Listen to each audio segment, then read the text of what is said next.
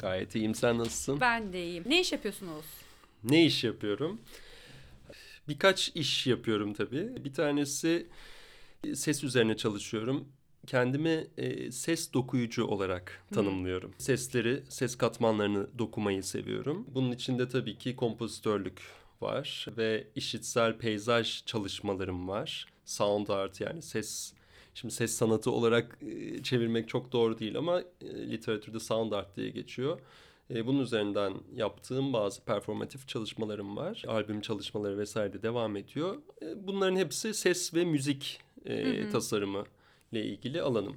Bunun dışında e, organizasyon işi yapıyorum. Ben üniversitede çalışıyorum. Kültür ve sanat etkinlikleri koordinatörüyüm Koç Üniversitesi'nde. Bu iş aslında full time işim. Bu dönemde de hala devam hı hı. ediyorum. Ve aynı zamanda da araştırmacı kimliğim de var. E, şu anda bir doktora tezimi yazıyorum ama bu da sesle ilgili soundscape hı hı. alanında. Bulunduğumuz mekanda yani Kadıköy'de e, uzun süredir çalışıyorum aslında. Kadıköy'ün ses algı haritalarını çıkartıyorum mekan kullanıcısıyla birlikte. Böyle genel olarak yaptığım işler. Evet pandemide belki bazılarındaki yoğunluk azalmış olabilir ama Kadıköy Akustik Projesi de aslında uzun soluklu bir proje. Senin hı hı. E, müzikal kariyerin de çok uzun süredir devam eden bir Tabii. şey. Koç Üniversitesi'ndeki etkinlik koordinatöründe. Bunların üçünü bir arada bu yoğunlukta bu tempoyla nasıl çalışıyordun? Motivasyon nereden geliyordu? Motivasyonun nereden geldiği daha derin bir konu herhalde. Şöyle aslında ben işletme okudum. Ee, ya bu da apayrı bir alan bir yandan da. Üniversitede işletme okudum. Çok kolay bir dönemde değildi. Yani çünkü birebir e, ilgi alanım olan bir alan değildi. Bir şekilde okudum işletmeyi ama hep işletme okurken bir yandan işte müzik dersleri, işte film dersleri vesaire. Ee, başka dallardan da dersler aldım. Son dönemde kent araştırmaları üzerine, kent kültürleri üzerine bir ilgim hı hı. oluştu.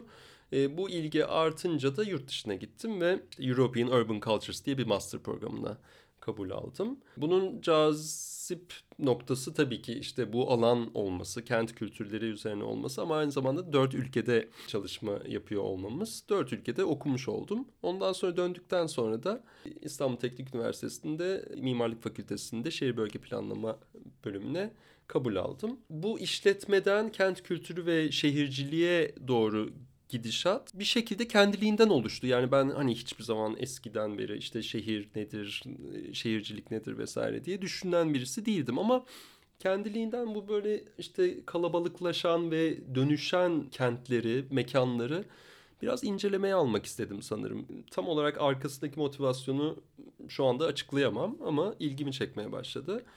E, sonra kent kültür e, ilişkisi üzerinden bir de ses elementi. Zaten ses elementi 17 yaşımdan beri hayatımda yani 16-17 yaşından beri hayatımda var. Bir şekilde işte elektronik müziğe ilgi duymam, e, sesi işleme isteğim ve merakım. O devam ederken bu kent kültür ve ses ilişkisi de devreye girdi. Ve bu sefer farklı kültürlerde, farklı mekanlarda sesler nasıldır ve nasıl algılanıyorduru araştırmaya başladım.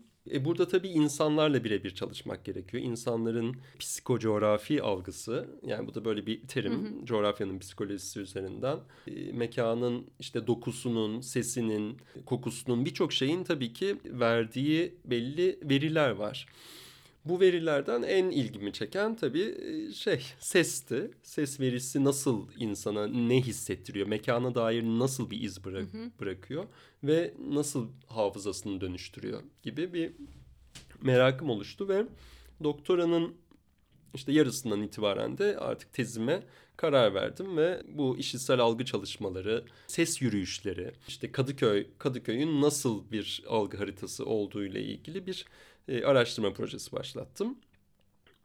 Böyle. Bu da devam etti. Hala da ediyor. Bitmek üzere. Artık bu sene doktoram bitiyor inşallah. Böyle yani bunları soruya dönecek olursak tabii bunları hep birlikte yapmak gibi bir özellikle amacım başlangıç noktam olmadı. Ama tabii yani hani meslek ve istediğini yapmak bir arayış oluyor. Yani bazı insanlar için çok arayış olmuyor. Bazıları küçüklükten diyelim ki ben balerin olacağım diyor ve hayatı boyunca balerin oluyor. Bale hocası oluyor vesaire. Daha net olanlar vardır ama Ben o kadar net olmadım uzun süre. Hep böyle bir merak içindeydim. Neler olabilir? Çok farklı şeylere ilgim kayıyordu. Onları birleştirecek bir bir alan yaratmış olduğumu düşünüyorum şu aşamada. Ve gerçekten şu an yaptığım şeyden memnunum ama evet zamanımı ve özellikle zihnimi meşgul eden bir e, alan bu. Çünkü bir kere organizasyon işi, yani bunların arasındaki en çok zihni meşgul eden meslek bence organizatörlük. Aa, Bence öyle. ben daha hep seninle konuşmadan önce düşünürken müzik dersin diye düşünüyordum. Hmm. Yani e, müziği o şekilde tanımlamam ben. Çünkü müzikte e, zihnimi ve o e, rasyoyu yani lojik anlamda bir şeyleri e, birleştireyim, şöyle yapayım vesaire diye zihnimi e, en yüksek seviyede kullanmıyorum. Hmm. Ve bundan da memnunum. Çünkü daha daha içgüdüsel e, davranan birisiyim müzikte veya ses tasarımlarında. Ve bundan çok memnunum. Yani hani en en çok sevdiğim alan aslında doğaçlama ve doğaçlamada tam tersi aslında zihni bıraktığım alan. Elime bir enstrüman alıyorum ya da herhangi bir şeyi alıyorum ve çalmaya başlıyorum ve o kendiliğinden akıyor. O akışı izlemem zaten yani bana göre çok meditatif bir e, pratik oluyor. Ama organizatörlükte öyle bir şey yap yani ben yapamıyorum en azından. Belki yapabilen vardır daha doğaçlama organizatörlük yapan ama yani her şeyi gerçekten sistematik anlamda planlamanız gerekiyor. Ardından yani bir şeyleri planladınız, kafanızda bir resim çıkardınız. O, ardından onların bir bir pratikte nasıl gerçekleştiğini her an izlemeniz ve kontrol etmeniz gerekiyor ve e, o kadar uyanık olmanız lazım ki yani uyanık derken awake anlamında yani hani e, uyumamanız lazım ki sahnede Gerçek anlamda da uyumaman gerekiyor. gerçek anlamda da uyu- uyumak çok iyi olmuyor. Birisine bir şey olduğunda seyircilerden ya da e, sahnedeki sanatçılardan birisine bir şey olduğunda anında bir şey yapmanız gerekebiliyor. Yani bir kriz yönetimini gerçekten e, yapmanız gerekiyor ve bun, bunların hepsi tabii bunlar organizasyon sırasında e, bir de sonrasında bunun tanıtımı var, sosyal medyası var, birçok katmanı var. Çok şey tabii ki hayatıma getirdi bu da. Ee, Birçok şey öğrendim. Organizatörlüğün en çok en büyük getirisi aslında gerçekten zihni kontrol edebilmeyi öğrenmek. Yani bütün bu kadar katman varken yapmanız gereken bir yandan siz nasıl stresi yönetebilirsiniz ve nasıl rahatlayabilirsiniz? Bu çok büyük bir mücadele konusu aslında. Ee, yani geceliğin yatağınıza girdiğinizde, yattığınızda rahat uyku alabilmeniz, sabahleyin kalktığınızda gözünüzü açar açmaz telefonu elinize alıp ah şunu yapmam gerekiyor, şöyle yapayım diye işle meşgul olmamanız çok büyük bir mücadele konusu. Buna da çok dikkat ediyorum bu arada. Çünkü kendime saygımı ve özel alanımı e, yitirmemek için özellikle bir çaba gösteriyorum. Bunun için de Bu yoğunluk içerisinde o alanı yaratabiliyorsun aslında kendine. İşte bunun için çaba sarf ediyorum diyeyim. Yani yap, yapabildiğimi, yüzde yüz yapabildiğimi söyleyemem. Bazen saygısızlık edip gerçekten de tamamen kendimi unutup, kendime ayırdığım zamanı unutup işe daldığım ve onun üzerine başımın ağrıdığı zamanlar olmuyor değil. Ama bunu e, mümkün olduğunca e, kendime hatırlatmaya ve yapmaya çalışıyorum. Ben hiç işin sahne tarafında yer almadım ama o etkinlik organizasyon kısmında çalıştığım dönemlerde de ve ne iş yapıyorsun da daha önce Mine ile konuştuğumuzda onun da o söylediği şeydi. Aslında o etkinlik sırasında ve sonrasında hem sahnedeki e, artistin hem de etkinliğe gelen katılımcıların aldığı hazzı görmenin sende yarattığı çok büyük bir haz oluyor ve bu bir girdap.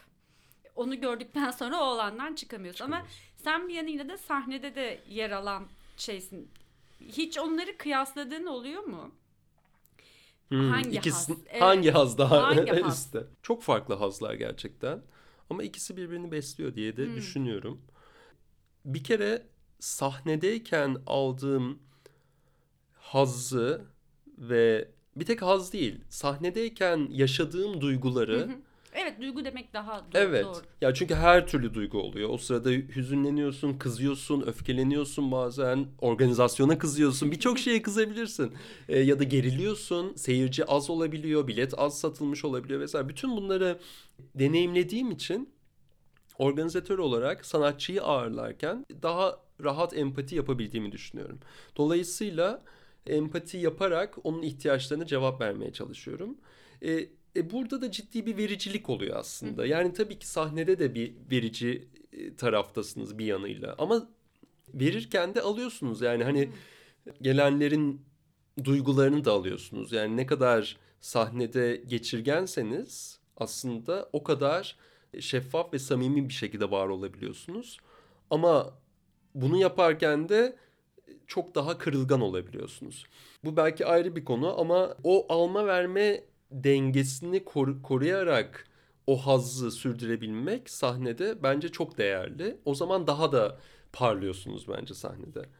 Organizatörlükte tabii ki orada da alma verme dengesi var ama organizatörlükte mümkün olduğunca gerçekten e, bir hizmet sektörü sonuçta. Hı hı. Yani hem müşteriyi düşünerek verici olmak durumundasınız hem de sahnedeki sanatçıyı.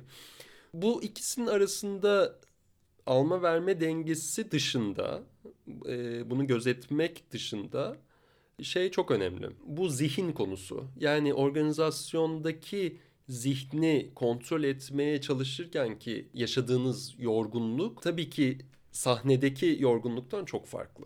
Çünkü sahnede işte zihinden biraz kurtularak kendinizi rahatça akıttığınız bir noktada e, duygusal anlamda çok daha öte bir tatmin yaşıyorsunuz bence.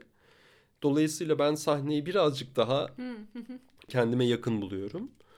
Ama organizasyondan da çok fazla besleniyorum ve seviyorum yani sürekli işte o koşturmayı, o tempoyu da seviyorum. İkisi de çok şey öğretiyor bana gerçekten. Sahneye hazırlanma süreci de var. Nu Park öznelinde söylersek mesela oradaki o yani gerçekten hani bu günkü konuşmamızda sohbete düşünürken öncesinde hazırlanırken birçok alanda o kadar farklı farklı yaratıcılığın içerisinde olduğunu görünce bilmiyorum için sen işin içindeyken bu kadar hissediyor musun ama e, yaptığın şeylere baktığımda mesleklerin slashlığı ayrı yaptığın işlerde de sürekli bir disiplinler arası farklı disiplinler hmm. farklı sanatların olması çünkü hmm. New Park'ın müziği zaten farklı disiplinler farklı janralardan şey yapıyor ama sahnesi de ayrı bir yaratıcılık evet. içerisinde. Evet.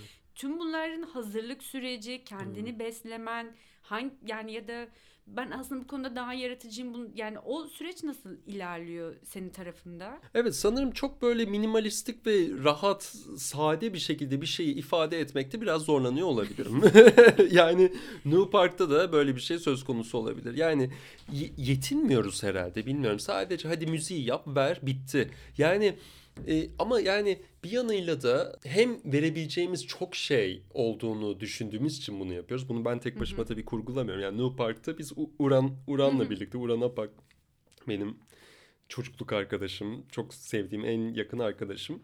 Onunla birlikte büyüdük. On dolayısıyla birlikte büyürken de hep bunları muhtemelen işledik kendi bünyemize. Yani o mükemmeliyetçilik, o birçok şeyden beslenme, e, heyecan duyma, merak e, bunlar olunca e, ifadede de bunları biraz e, kullanıyoruz. Yani işte zamanında o disiplinler arası şovlarda işte kostüm var, makyaj var, işte 3D mapping var. Farklı farklı sanatçılarla bir arada olma konusunda tabii yani bir bakalım dedik. Böyle bir şey yapsak bir hayal belki. Ee, o zaman işte Hakan arkadaşımız da organizasyonu üstlenmişti. Ee, bize de çok ilham vermişti. Neler yapabiliriz diye düşünürken hadi bir deneyelim dedik. Ve gerçekten denedik ve bence oldu. Yani istediğimize çok yakın bir performans, iki chapter'lık bir show gerçekleştirmiş olduk. İşte müzikallerden ve işte şovlardan da sanırım ilham alıyoruz. Uran da çok e, teatral bir kişilik. Yani onu da çok güzel mimiklerle, performanslarıyla da çok güzel ifade ediyor. E, ben de hem performans müziği işte tiyatro, dans, modern dans müziği yapmayı da seviyorum bir yandan. E, bir yandan da teatral bir tarafım var ama onu çok şeyde yani müzikal performanslarda göstermiyorum ama e, beden bedenen göstermiyorum ama müzikal anlamda göstermeyi seviyorum. Dolayısıyla orada öyle bir ifade olmuş oldu. Tabii bir yandan da bu kadar çok katman katman bir şeyleri vermek gerekiyor mu? Hayır tabii ki gerekmiyor. Daha sakin, daha böyle çok daha az unsurla bir şeyler de verilebilir. Ee, bazen hem bizim içimiz coşuyor. Böyle bir şeyleri gerçekten hadi dolu dolu verelim diyoruz.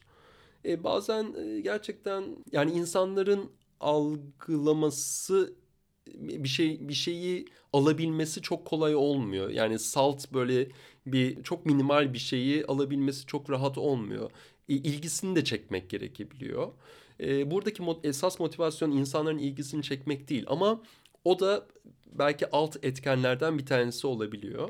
Dolayısıyla o ilgi çekiciliği e, o unsurları daha çok arttırmak bizim için heyecan verici olabiliyor gerçekten. Bana biraz da şey de hissettirmişti. Verdiğiniz bir röportajınızda ortak bir hobiyi hayatlarının merkezine alıyor diye New Park'ı biraz bu şekilde tanımlamışsınız. Ne iş yapıyorsun da hani işi benim vurgulamamdaki sebep insanların aslında çoğu yaptığı şeyi bir meslek olarak ya da iş olarak tanımlamayıp ya yo aslında benim mesleğim değil gibi bir evet. şey olup o yüzden orada daha yaratıcı ya da dediğin gibi minimalizmle yetinmeyip birçok alanı değiştikleri bir şeye dönüşüyor ve bana hani New Park'ın da bir yanıyla da böyle bir e, meslek olarak görmüyorlar mı acaba hmm. bunu? Bir hobi olarak mı görüyorlar? Ya aslında çok ciddi bir meslek ve çok uzun süreli bir mesleğinizde yani Doğru, çok, çok, çok uzun eski sürdü. bir grup. Gerçekten. Çok zordur yani günümüzde evet. bu kadar uzun süreli bir alternatif oluşumu devam ettirebilmek. Biz hobi kelimesini çok kullanmadık aslında. Hmm. yani kendimize de kendimizle de konuşurken müzik nedir bizim için? Bir hobi. Yani hobi bizim için e, çok yetersiz kalıyor kelime olarak ama meslek meslek olarak da özellikle tanımlamak istemiyoruz. Bu bizim hayatımızın merkezinde olan ve ifade aracı olarak kullandığımız çok önemli ve değerli bir alan. Bu kadar. Yani e, ya bu kadar uzun bir cümle belki ama tek bir Yok, kelime evet. olmuyor. E, dolayısıyla bir meslek olarak birebir tanımlamıyoruz belki. Çünkü bir kere ilk amacımız para kazanmak değil. Yani müzikten en başta para kazanalım ve ona göre bir şeyler kurgulayalım diye bir şeyimiz olmadı hiçbir zaman.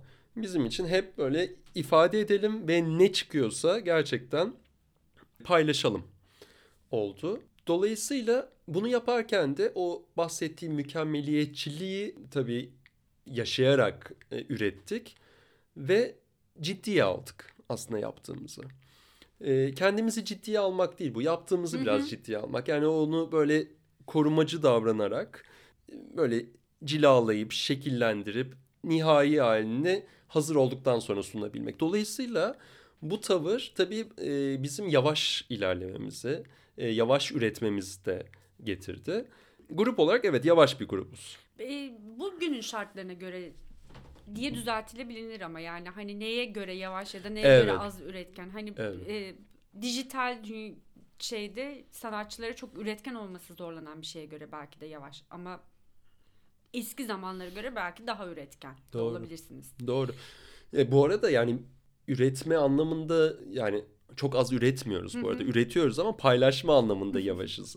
İşte yani esas motivasyonumuz, birincil motivasyonumuz üretelim ve haydi bunu yayalım Ondan sonra onun üzerinden işte sosyal medyada onun da reklamını yapalım, e, biraz daha takipçi kazanalım vesaire hiç olmadı açıkçası. Esas amacımız üretelim, kendimiz zevk alalım, bakalım neler çıkıyor.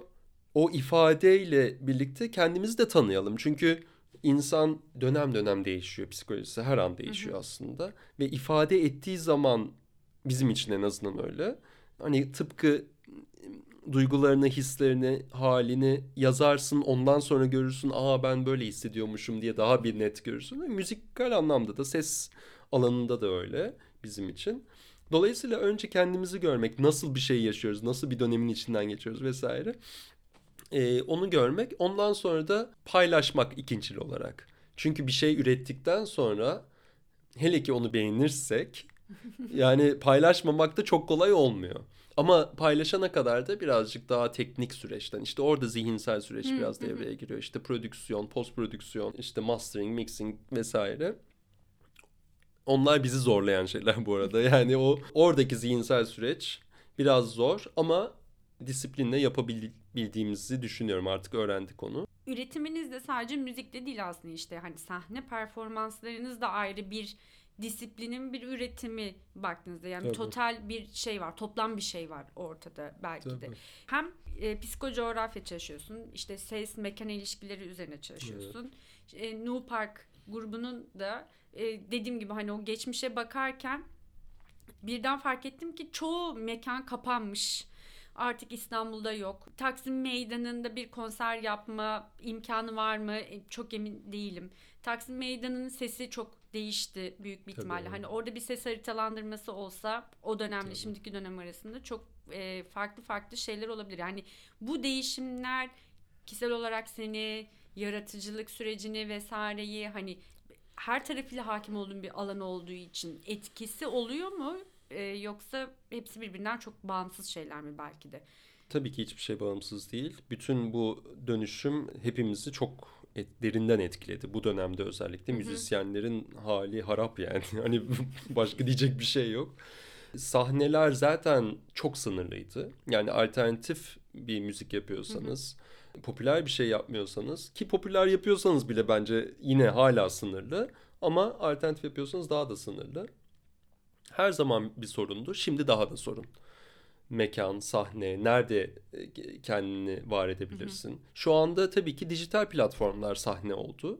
Ee, belki hani bu Covid dönemi vesaire diyoruz ama belki Covid döneminden sonra da yani buna o kadar alışmış olacağız ki belki in, yani gerçekten dijital anlamda başka oluşumlar daha işte atıyorum işte bu VR, işte XR teknolojileri hı hı. daha karma gerçeklikle birlikte daha yeni yeni sahneler oluşacak belki bilmiyorum. Sürekli dönüşüyor bu sahne kavramı şu anda.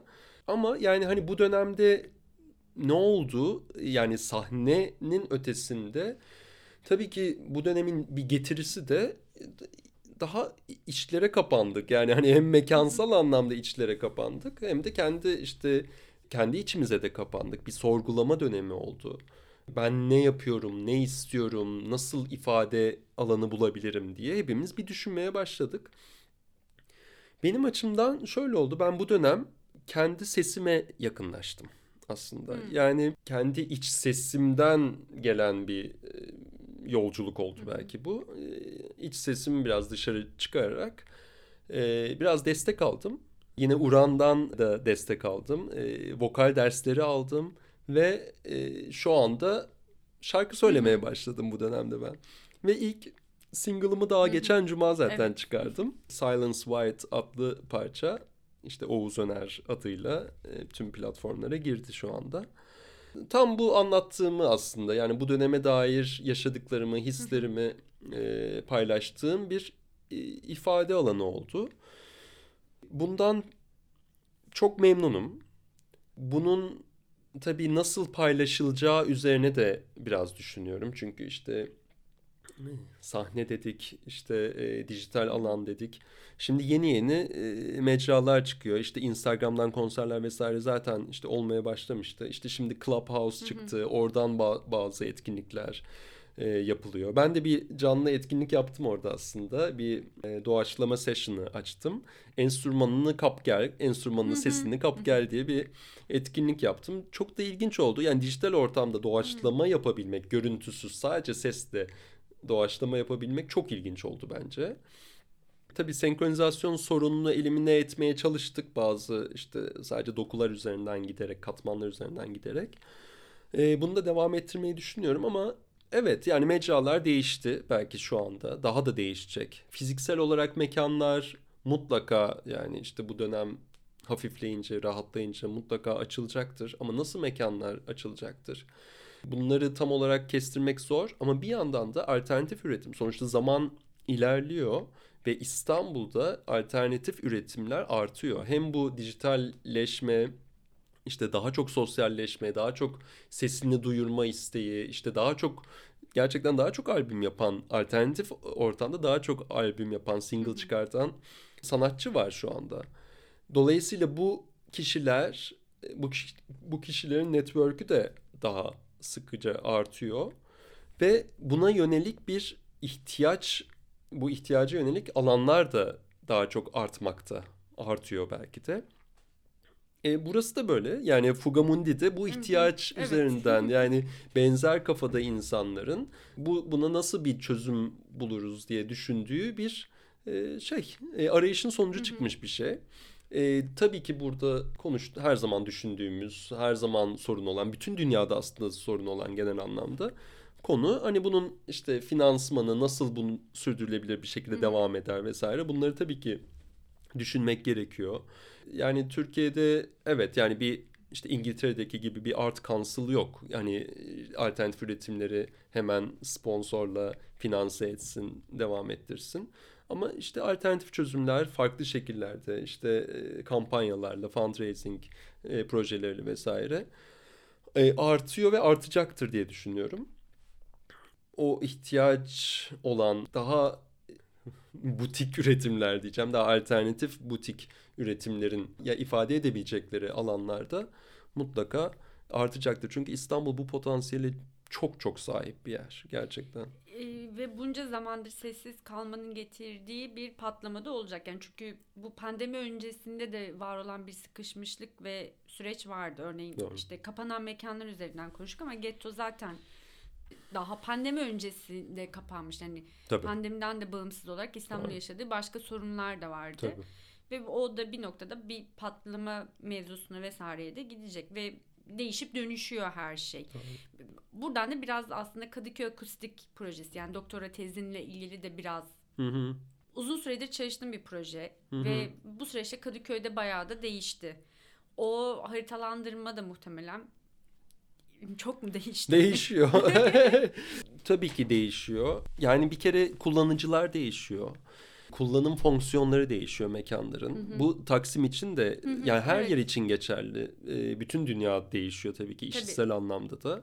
Yani bu renovasyon projeleri işte Haydarpaşa'nın mesela Haydarpaşa üzerine de bir küçük bir çalışma yaptık. Çocuklarla Evet. yaptık Hı TÜBİTAK hı. projesi. Çok geniş bir konu tabii işitsel peyzaj ya da diğer adıyla ses peyzajı, soundscape'in Türkçesi.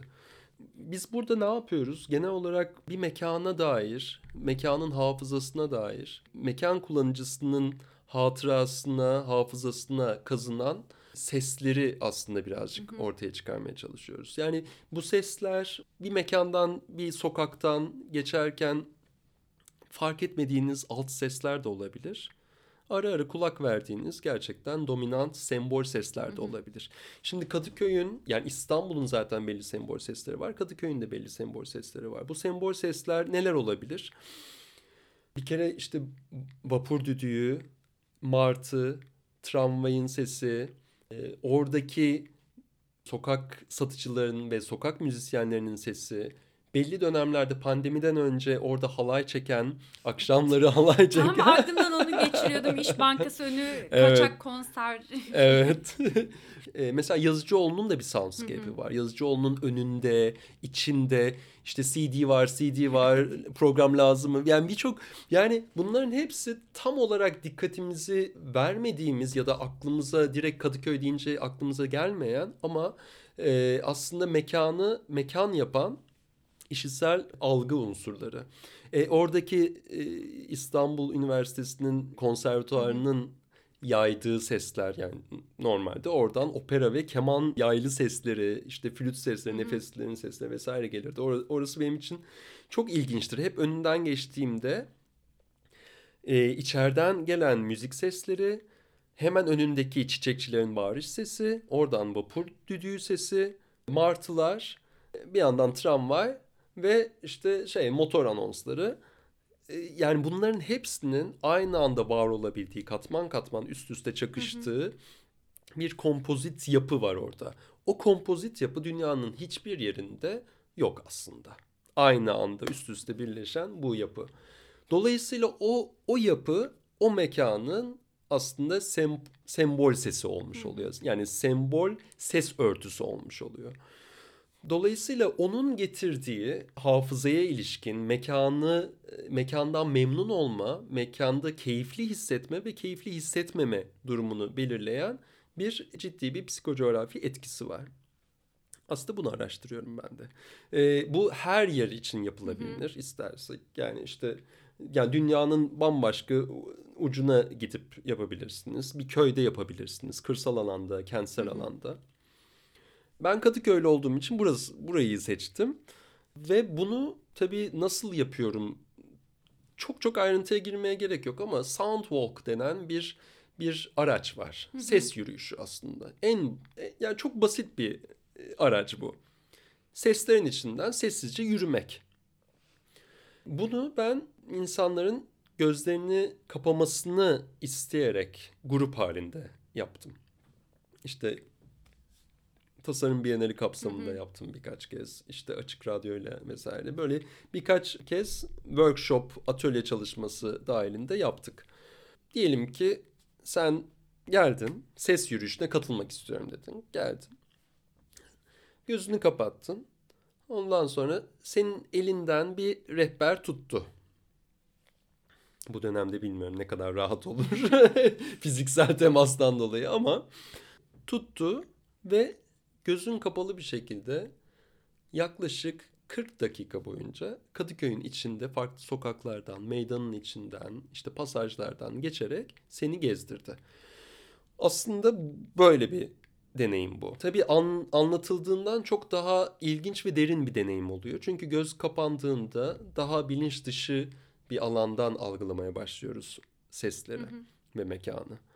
Böyle olunca uzaktan gelen bir e, ses, bir sokak satıcısının sesi, bir işte o kemanın sesi vesaire ezanın sesi de olabilir. Yani çok farklı hı hı. şekilde sözcüklere gelebiliyor, dile gelebiliyor.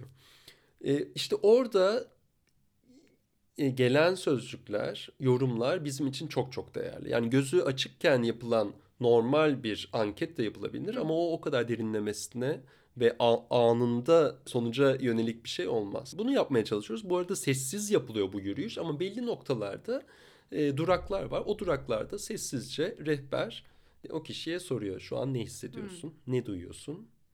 E, hangi sesi baskın duyuyorsun? Hangi sesi daha arkada duyuyorsun deyip devam ediyor.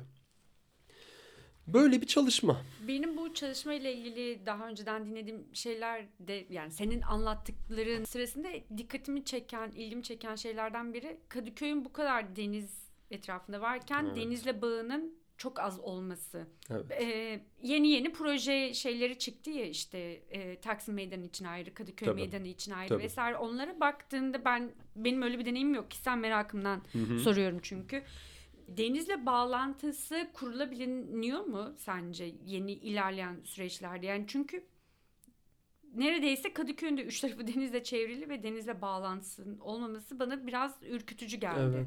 Evet.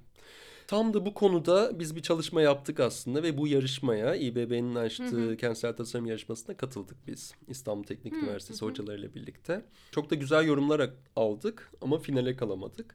Ben orada ses danışmanıydım. Hı hı. Hı hı. Ve tam bu konuya eğilerek e, yani oradaki sesi yani denizin dalga sesini, rüzgar sesini nasıl deneyimletiriz diye farklı e, akustik çözümlerde de bulunduk önerilerde bulunduk. Hı hı. Bunun içinde ses heykelleri de vardı.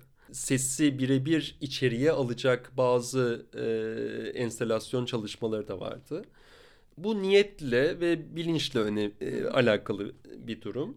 Yani siz burada bu durumu saptıyorsanız içeriye o sesi gerçekten alabilir ve oranın kimliğini hmm. daha da güçlendirebilirsiniz. Yani bu ağaçlandırma çalışmalarıyla, zemin kaplama çalışmalarıyla, işte bu tür ses enstelasyon ya da ses yükseltici bazı kent mobilyaları hmm. sayesinde yapılabilir.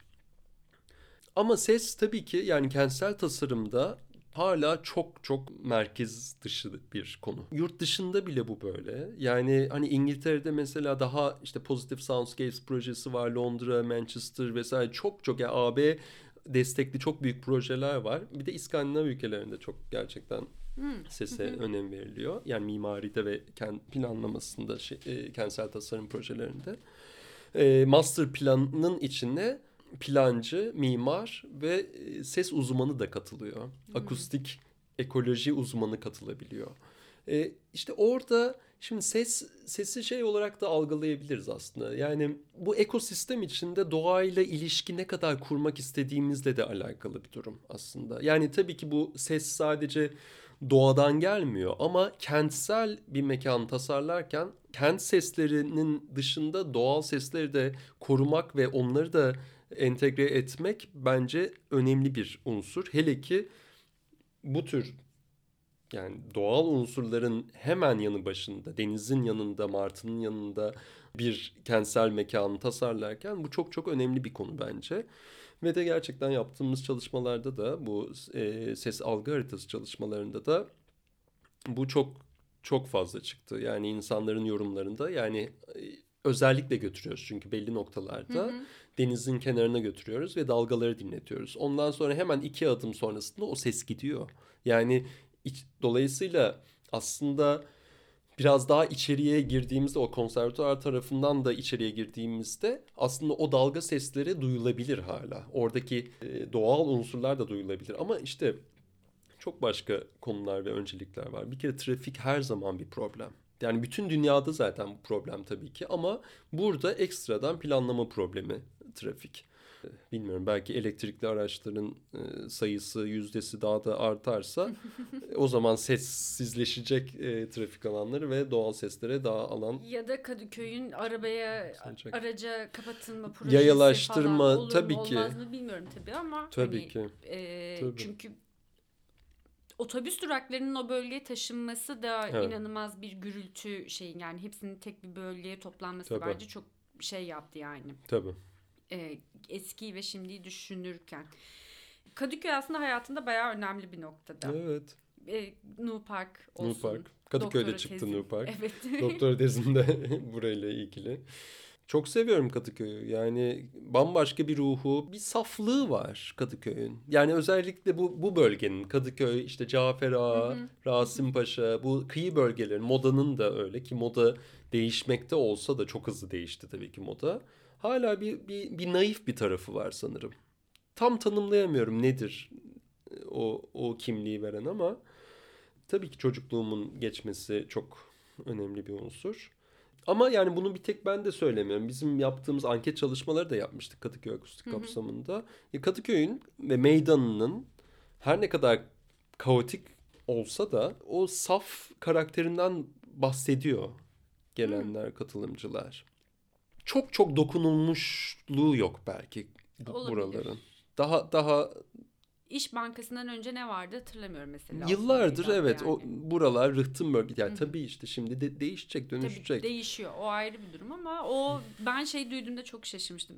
3 5 yıl bile olmuş olabilir. Yani hafta sonu o bölgeden geçiş rakamının iki buçuk milyon insan olması.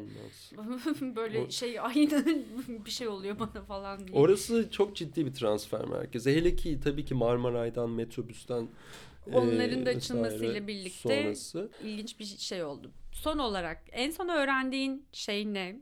E, hayatında bu kadar farklı alan, farklı disiplin, farklı sanat, işte yeni teklin yayınlandı vesaire falan filan tüm bunları düşündüğünde en son öğrendiğin şey ne? En son öğrendiğim şey Hmm, biraz alakasız olacak belki ama Yo. yani her Bakın. konuda olabilir evet, değil evet, mi en son? En son öğrendiğin şey. Ahtapotlarla ilgili. Ahtapotların e, insanlarla en az kedi kedi ve köpek kadar duygusal ilişkiye geçebildiğini öğrendim. Bu belgesel evet, ilgili. My Octopus Teacher diye ben bir belgesel. izlemedim ama anlatanlardan çok övgü Ya çok şey güzel bir belgeseldi için. ve gerçekten kafamı açtı. Yani biz ne kadar sınırlı yaşıyoruz. Yani ve orada çok ciddi bir tutku var. Yani bir adam her şeyi bırakıp her gün okyanusa gidiyor ve dalıyor her gün ama ve bir bir ahtapota takmış vaziyette. Tek bir ahtapot ve onu incelemeye alıyor ve onunla ilişkiye geçmesini bir şekilde sağlıyor sabırla. Ve sonunda o kadar güzel geçiyor ki ahtapot onunla ilişkiye. Yani birbirlerine dokunuyorlar. Yani bir arkadaş gibi oluyorlar. Yani bunu anlatmak çok güç ama gerçekten çok güzel anlatıyor belgesel. Bunu gördükten sonra yani biz sadece böyle işte şehirlerde, evlerimizde işte vesaire. Yani sınırlı bir dünyadayız bu kadar. Yani bunu hep tabii ki arada bir şeyler hatırlatıyor bana ama böyle bazıları çok daha güçlü bir şekilde ifade ediyor, anlatıyor. şey oluyor yani çok şey yapabiliriz ya ne bileyim yani her alanda çok şey yapabiliriz. Yani sesle ilgili bile sadece zaten uçsuz bucaksız bir dünya var. İnsan zaten bambaşka bir dünya. Ee, işte hayvanlar ne bileyim yani bu bu evrenin bir zekası olduğunu ben zaten hani ona inanıyorum. Onu biliyorum diyeyim yani öyle bir böyle bir his geliyor hep. Dolayısıyla onu onu keşfetmek adına yani yapılabilecek çok çok şey var. Onun için e, merak meraktayım hala çok meraktayım ve çok cahil hissediyorum kendimi. Yani bu kadar uçsuz bucaksız bir hayat içinde. Merak duygusunun bitmek tükenmeyen bir şey olması bu podcast serisi içerisinde herhalde e, yüzleştiğim en büyük şeylerden biri yani. Evet. Merak etmek şeyi. O yüzden çok güzel bir öneriyle aslında bitmiş oldu belgesel önerisiyle. Çok teşekkür ederim Oğuz. Geldiğin, çok katıldığın için. Yeşim gerçekten. Ee, bir sürü şey anlattın. Kendi kişisel meraklarımı da karşılamış oldum. Ay ne güzel. olarak. çok çok teşekkür ederim. Sen Görüşmek üzere. Görüşürüz. Kendine iyi bak.